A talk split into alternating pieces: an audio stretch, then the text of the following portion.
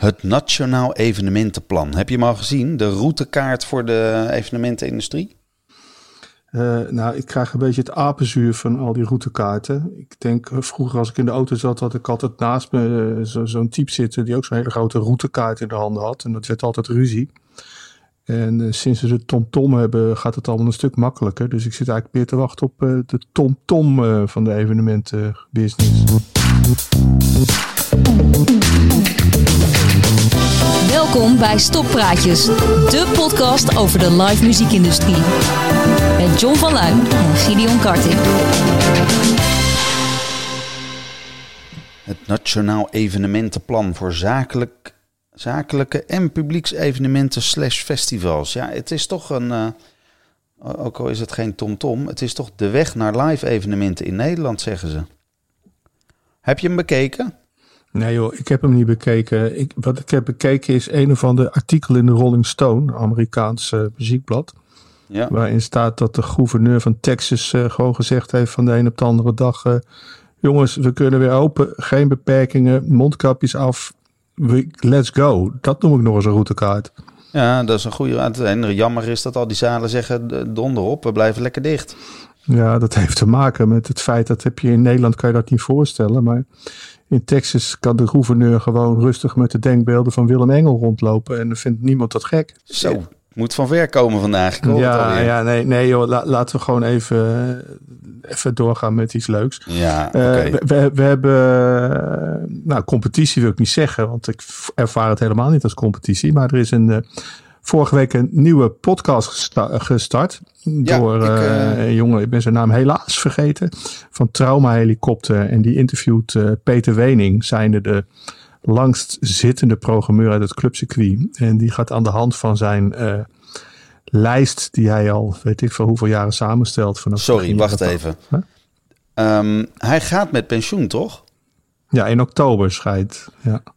Maar de, als hij nu de langstzittende is, ja. Wie is dan daarna de langstzittende? Dat ben ik, zei de gek.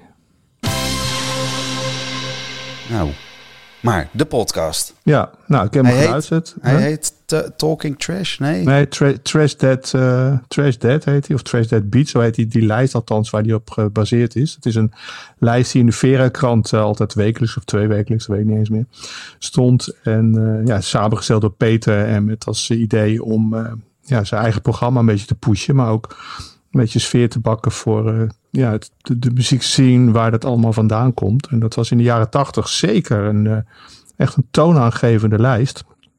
Peter verhaalt er op zijn eigen wijze over uh, in een één uur durende podcast. Lardeert het ook met wat muzikale fragmenten. En, maar is dat wat anders dan, dan de Vera Pol? Want de Vera, ja, de Vera was, Pol, dat, dat is van over... wat, wat, wat, ja, wat het publiek het, zeg maar het beste concert vond van het jaar of de beste plaat. Nee, dit is een lijst die gewoon Peter volgens mij helemaal in zijn eentje samenstelde. Ja, en de reden waarom die dat deed, en waarschijnlijk ook waarom die Verapol is ontstaan, is omdat Peter is opgegroeid met de top 40 en dacht van, hé, hey, daar willen mensen, dat, dat is eigenlijk, dat willen mensen horen. Zo dat krijg mensen Dat is een format, ja. En hij had een uh, concert van uh, Sonic Youth en dat hij acht, acht kaarten voor verkocht en dat vond hij schandalig weinig. En toen kreeg hij het idee om een soort van lijst te maken, waardoor hij dan de artiesten eh, die in Vera gingen gaan optreden om die wat meer te kunnen promoten en dat dan te koppelen aan de lokale platenzaken. En nou, dat was in de jaren tachtig natuurlijk hartstikke sympathiek en leuk idee. En bij het concert van Sonic Youth overigens vertelde hij dat er uiteindelijk dan 64 uh, eh, kaarten waren verkocht. En toen moest ik meteen denken van, nou ja, dat vind ik eigenlijk nog wel veel. Het, uh, ja, moet ik zeggen dat, dat dat zeker in het begin Sonic Youth natuurlijk hartstikke goede band was hoor. De, echt, echt wel. Uh, nou, ik, ik, ik heb voor, uit grap het uh, baldadigheid heb ik wel eens een keer met de Vrijmarkt hier op Koninginnendag uh, tien uh, CDR'tjes een mooi hoesje omgedaan. En voor één gulden per stuk de best of Sonic Youth verkocht. En die, die cd'tjes die waren gewoon helemaal leeg.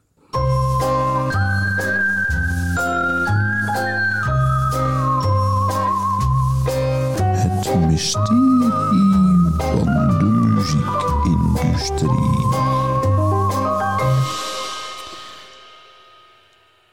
Ik heb de documentaire van Billie Eilish gezien. Zo. En jij hebt ervan gehoord.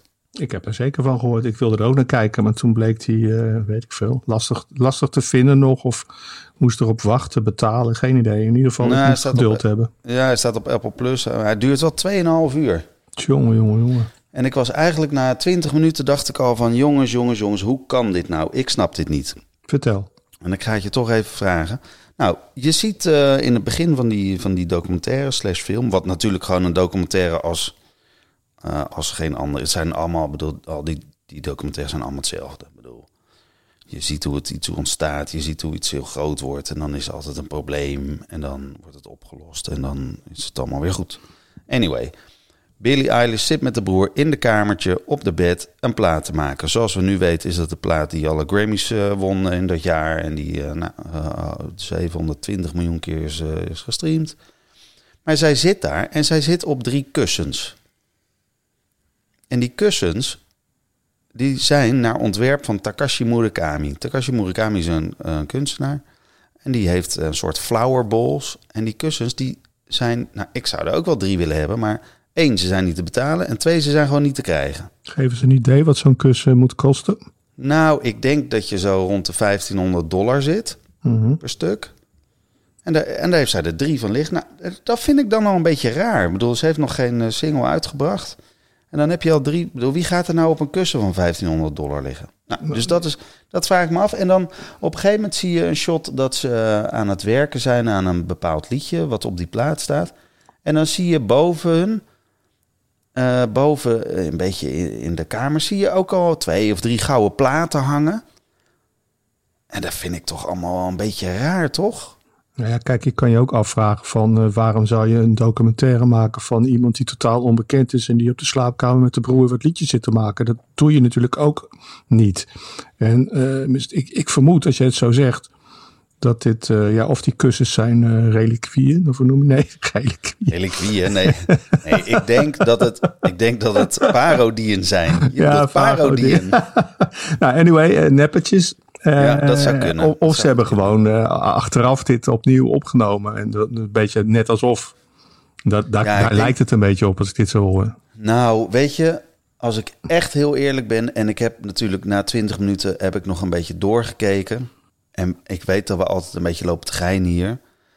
maar ik heb hem toch eigenlijk ademloos uitgekeken. Ik vond het een fantastische documentaire. Er zat zelfs een pauze in. Nou, sorry, dat vind ik hilarisch als je hem uitbrengt op eh, een digitaal platform. Ja, dat is leuk. Ja. Het verhaal is fantastisch. Ehm, zij is te gek, dat wist iedereen al. Dus of het nou een mysterie is of niet... en of ik het nou wel of niet bij het juiste eind heb... maakt eigenlijk allemaal gereed uit. Maar het is echt serieus een aanrader. Een aanrader. Een Ja. aanrader.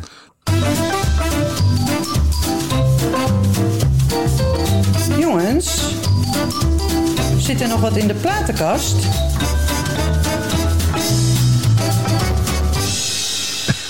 Ja, ik heb hier een plaat van eh, Bunny Wailer in mijn handen. Wat toevallig. Ja, ja. Zat je toevallig En, eh, in je reggae-weide, eh, reggae, reggae-hoekje te spitten. Ja, echt toevallig, joh. En, Wat is er eh, met Bunny aan de nou ja, hand? die is natuurlijk overleden van de week. Wat is, is hij nou van... ehm want je had Bob Marley en de Wailers, Ja, toch? ja. En was hij een van de Wailers? Ja, ik, hij gold wel. eh, ja, goed. Iedereen heeft er zijn eigen mening over natuurlijk. Maar in mijn ogen gold hij wel als de soort van opperweler. En eh, ja, hij- ik vond hem ook wel bijzonder in die zin dat eh, al die oude reggae-knakkers... die komen natuurlijk om de jaar, om de twee jaar, om de drie jaar van mijn part... hun toertje doen in Europa. En eh, Bunny Wailer, die is, eh, die is amper geweest. Die, eh, nou ja, hij is dus wel, een, hij is eens geweest en ik heb hem ontmoet. En ja, dat, was een hele rare ontmoeting. Ik, ik, had de show staan van hem samen met nog wat reggae-artiesten in de grote zaal. En ja, ik kom de kleedkamer binnen samen met de tourmanager. Dat was helemaal niet mijn bedoeling, maar die tourmanager die moest daar iets opzoeken. Ik weet ook niet meer precies wat. En daar zit dus Bunny Wailer. En eh, nou, die tourmanager die stelt eh, ons aan elkaar voor. En die Bunny die zegt eigenlijk helemaal geen gedag of niks. Hij geeft ook geen hand. En het enige wat hij zegt is... eh the contract, the contract. Show the contract. Let him pay. He has to pay according to the contract. En ik zit echt zo bij. Ik denk van joh... ik zeg ik heb helemaal geen contract. Dat zei ik ook letterlijk van, ik doe helemaal niet meer contracten joh. En uh, ik ben gewoon hartstikke blij dat je er bent. En uh, ja, je kan zo in de zaal zien, het zit niet helemaal vol. En dat, uh, dat betekent dat we een beetje geld hebben verloren. En ook dat vind ik niet erg. Ik vind het een grote eer dat je hier bent. Nou, toen draaide hij zijn hoofd langzaam weg en ja, ging verder met, ik weet niet wat hij aan het doen was balletjes aan het draaien of zo van uh, konijnenkeutels. Ik, nee, ik, ik, weet gewoon niet wat hij aan het doen Dat zijn al balletjes.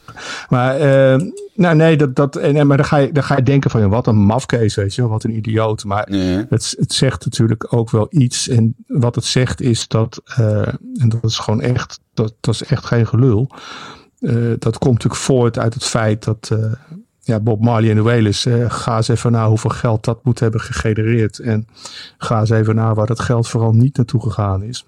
Hmm. Nou, je raadt het al. Dat is natuurlijk naar Bunny Wailer. En, en dat is een beetje typerend eigenlijk wel, denk ik, voor de hele Jamaicaanse reggae-familie. Dat dat, uh, ja, de echte successen, het geld van de echte grote successen is altijd ergens anders Nee, heen gegaan. ja, en ja, daar komt dat, ja, dat sentiment vandaan. Dus ik was ook helemaal niet boos. Maar als je dat dan zo hoort, ja, de contract, de contract, show the contract, let them pay according to the contract. Ja, rare gast. Ja, gast. hey, weet je wat we gaan doen? Nee, We gaan even iemand bellen. zo. En wel uh, even kijken of hij opneemt.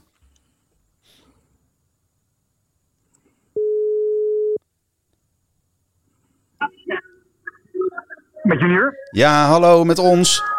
Ja, goedemiddag. Goedemiddag. Goedemiddag, goedemiddag. Hoort u mij? Ja, wij horen je. En uh, je bent... Uh, ik, Nou. ik begreep, jij bent op dit moment live bij een van de field, bij in de Ziggo, toch? Bij een evenement. Ja. Ja, ja, er is hier muziek. Is het wat? Uh, heb je, ja, zeker. Zeker. Het is uh, echt een gek feestje. Wacht. Hoor je hem? Ja, en waar is de muziek dan?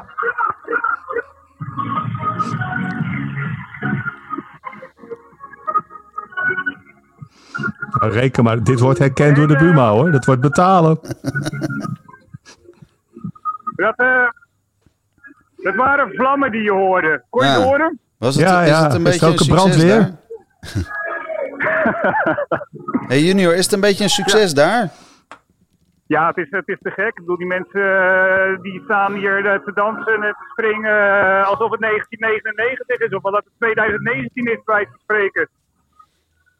Heb jij, een, Eh. heb jij een mondkapje op, eh, junior? Ik heb hem nu heel even af in de ruimte waar ik sta. Ik ben sowieso al uh, twee dagen achter elkaar negatief getest. Uh, en ik heb ook niemand in mijn omgeving. Dus ik, uh, ik sta hier uh, re redelijk veilig nu even met, uh, met jullie te woord. Het is echt een professional, hè? Nou, dankjewel. Toch? Of heb jij nog vragen, eh, John? Nee. Laat je horen! Hey. dankjewel. Hey, tot later. Joe, hoi hoi. Tot zover junior uit de Ziggo bij het Field Lab evenement. Eh, John, wat, waar denk je aan? Ja, ik, ik, ik, ik, ik moet altijd weer denken aan die oude doos verhalen. En uh, het kwam een beetje via via. Je hebt altijd zo'n nieuwsbrief van de VNPF. En dan, uh, ja, dan staat allemaal een beetje officieel uh, gebelaakt in. En aan het eind doen ze altijd zes vragen stellen aan iemand uit het veld. Ja, ja. Een collega. Ja. En dat was deze week uh, Steffi Blonk. En vind ik een heel leuk collega-type. En die is programmeur in de Evenaar. En die vertelde daarin onder andere dat de eerste keer dat ze een echte live show zag, dat dat Pinkpop was, ik meen 2006. Uh, waarin ze dus onder andere de Bloodhound Gang allemaal gore dingen op het podium zag doen. Mm -hmm. En uh, ja, to, toen moest ik uh, toch weer denken aan wat, wat, deden ze daar dan ook weer precies, hè? Want het waren natuurlijk, het was natuurlijk een prachtige band toen. Ze deden echt hele intellectuele dingen. Hadden helemaal dingen uitgedacht. Dat was echt prachtig. En zo op een gegeven moment hadden ze dus een, mengsel gecreëerd. Van, uh, en als je daar dan een glas van opdronk. Dan kon je gegarandeerd binnen vijf seconden verwachten dat je moest uh, kotsen. Ik heb later ook gevraagd van wat dat, waaruit dat mengsel dan bestond. En deze is een beetje geheimzinnig over. is toch het geheim van de smid. Maar de, de belangrijkste ingrediënten waren melk en Dr. Pepper. En dan deze op het podium, dan uh, dronk die, die lange was dat, die dronk dan zo'n heel glas leeg. En dan ja, een paar seconden later moest hij natuurlijk kokhalzen. En dan pakte hij de pet van een van die andere bandleden. En die kotste hij dat helemaal vol. En daarna deed hij die pet weer bij dat bandit op zijn kop, zodat al die smurrie zo langs zijn hoofd droop. Ja. Ja, dat is, ja, dat is toch echt knap als je zoiets bedenkt.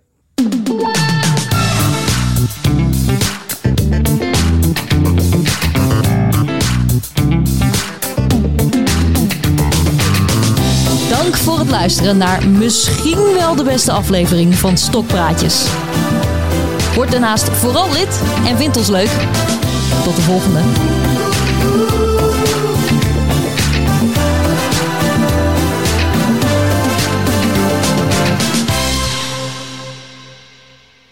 Hey John, Ja. ga jij nou nog naar, die, eh, naar dat Field Lab morgen? Nee, ik, ik dacht dat het gewoon ouderwets was. eh, dat je gewoon vrij kon bewegen en zo. Maar ik kreeg instructies dat ik daar eh, van drie tot zes, wat dat zou het er dan zijn, een mondkapje op moet hebben. Nou, dan gaat de Londen voor mij zo keihard af. Ik dacht van ja, hoezo? Hm. Ja, ik dacht meer, het is een, het is een testevenement. Ja. Dan, dan, ja, dan zou ik zeggen, zet er dan ook vijf eh, mensen met corona tussen. Dan weet je pas echt een beetje of het werkt.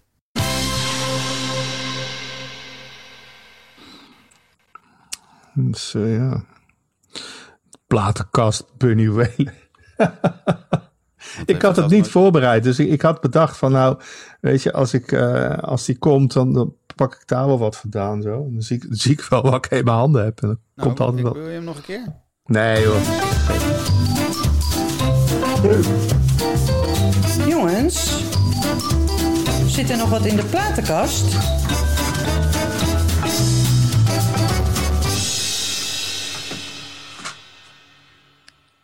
Ik heb hier een singeltje van de Sm- Smashing Pumpkins.